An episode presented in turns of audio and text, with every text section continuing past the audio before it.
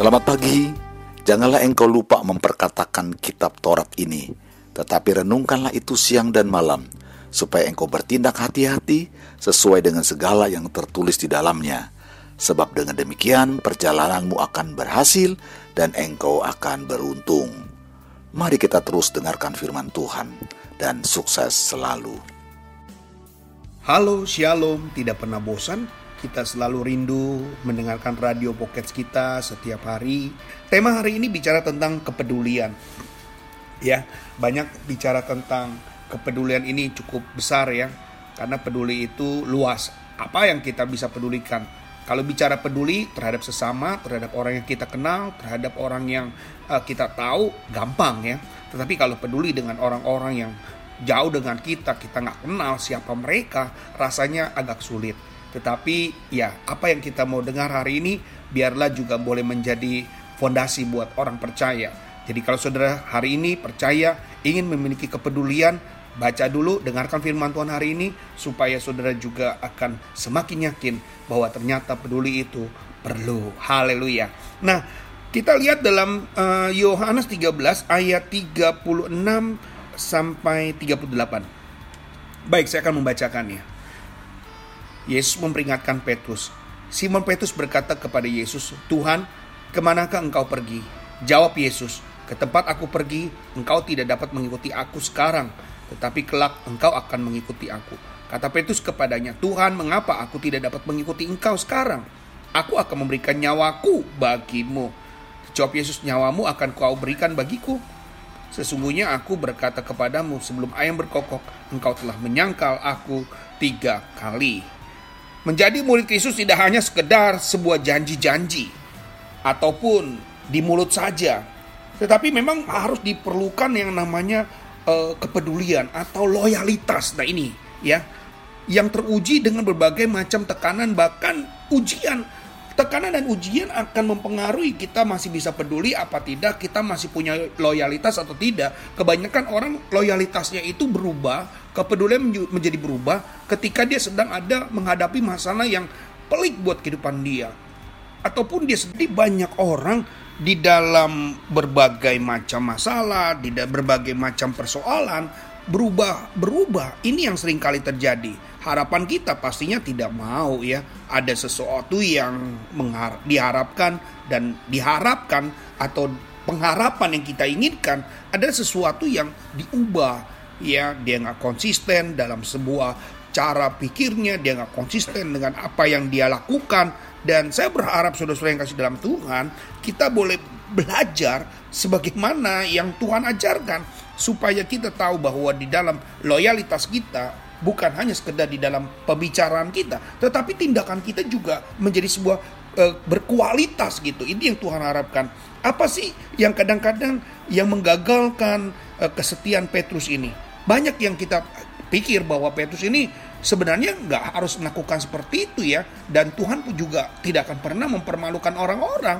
Tetapi yang terjadi dalam diri Petrus adalah dia cukup lemah pada saat itu.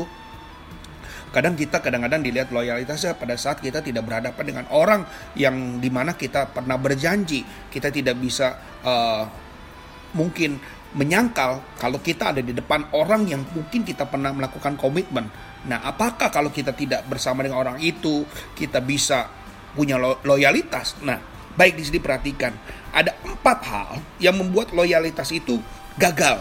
Yang pertama adalah terlalu sombong. Wow, ternyata kesombongan itu juga malah petaka. Banyak orang sering kali sombong, merasa dia tidak perlu lagi, dia tidak tahu lagi dengan apa yang dikatakan bahwa wah dia arogan. Nah, oleh karena itu saya mau bahwa saudara jangan pernah menjadi orang yang sombong. Petrus merasa sombong kalau dia sudah menyatakan itu di depan Yesus. Padahal justru di situlah ketemu dengan permasalahannya secara langsung. Yang kedua adalah kurang berdoa. Ternyata doa dalam mengabaikan bagaimana waktu Yesus diajak berdoa, Petrus diajak berdoa, uh, tidak sanggupkan engkau bertahan dalam satu jam. Ternyata Petrus di situ lemah, saudara. Jadi jelas bahwa orang-orang yang gagal Eh, dalam kesetiaannya atau memiliki loyalitas. Yang pertama adalah sombong, yang kedua tidak suka berdoa, yang ketiga adalah tidak bertindak uh, dia bertindak selalu cepat ya, bertindak terlalu cepat dari apa yang dia pikirkan, apa yang dibicarakan. dan harusnya dia pikir panjang ya. Apa yang dia lakukan itu akan berakibat apa? Yang dia katakan itu akan berdampak apa? Dia lupa kadang-kadang. Dia terlalu cepat bicara dia terlalu cepat untuk ngomong. Dan akhirnya terjadilah sesuatu kegagalan.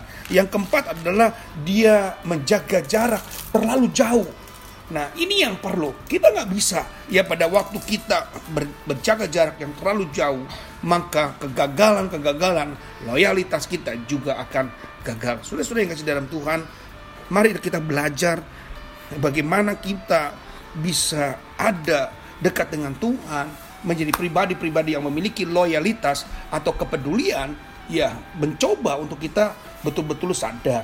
Kita nggak akan pernah bisa dalam kesendirian, kita harus perlu dalam komunitas. Maka betapa pentingnya kita ibadah itu berkumpul bersama-sama supaya kita bisa kuat, supaya kita bisa menghadapi masalah bersama-sama.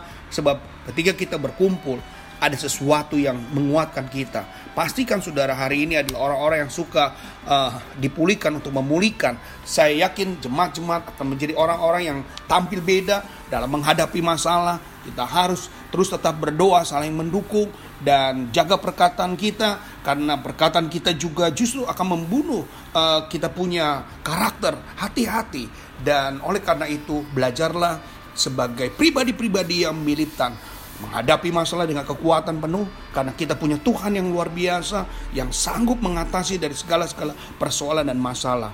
Berkat Tuhan melimpah buat saudara dan saudara diberkati, saya diberkati. Bagikan supaya podcast ini juga jadi berkat supaya orang-orang yang punya loyalitas dia mulai belajar dari sekarang. Haleluya, puji Tuhan. Shalom. Puji Tuhan, saudara yang dikasih Tuhan. Saya percaya firman Tuhan menjadi berkat dan kekuatan buat saudara semua dan Roh Kudus akan memberikan pemahaman yang lebih dalam tentang kebenaran firman Tuhan. Tuhan Yesus memberkati saudara semua. Sampai jumpa dalam renungan yang berikutnya. Haleluya!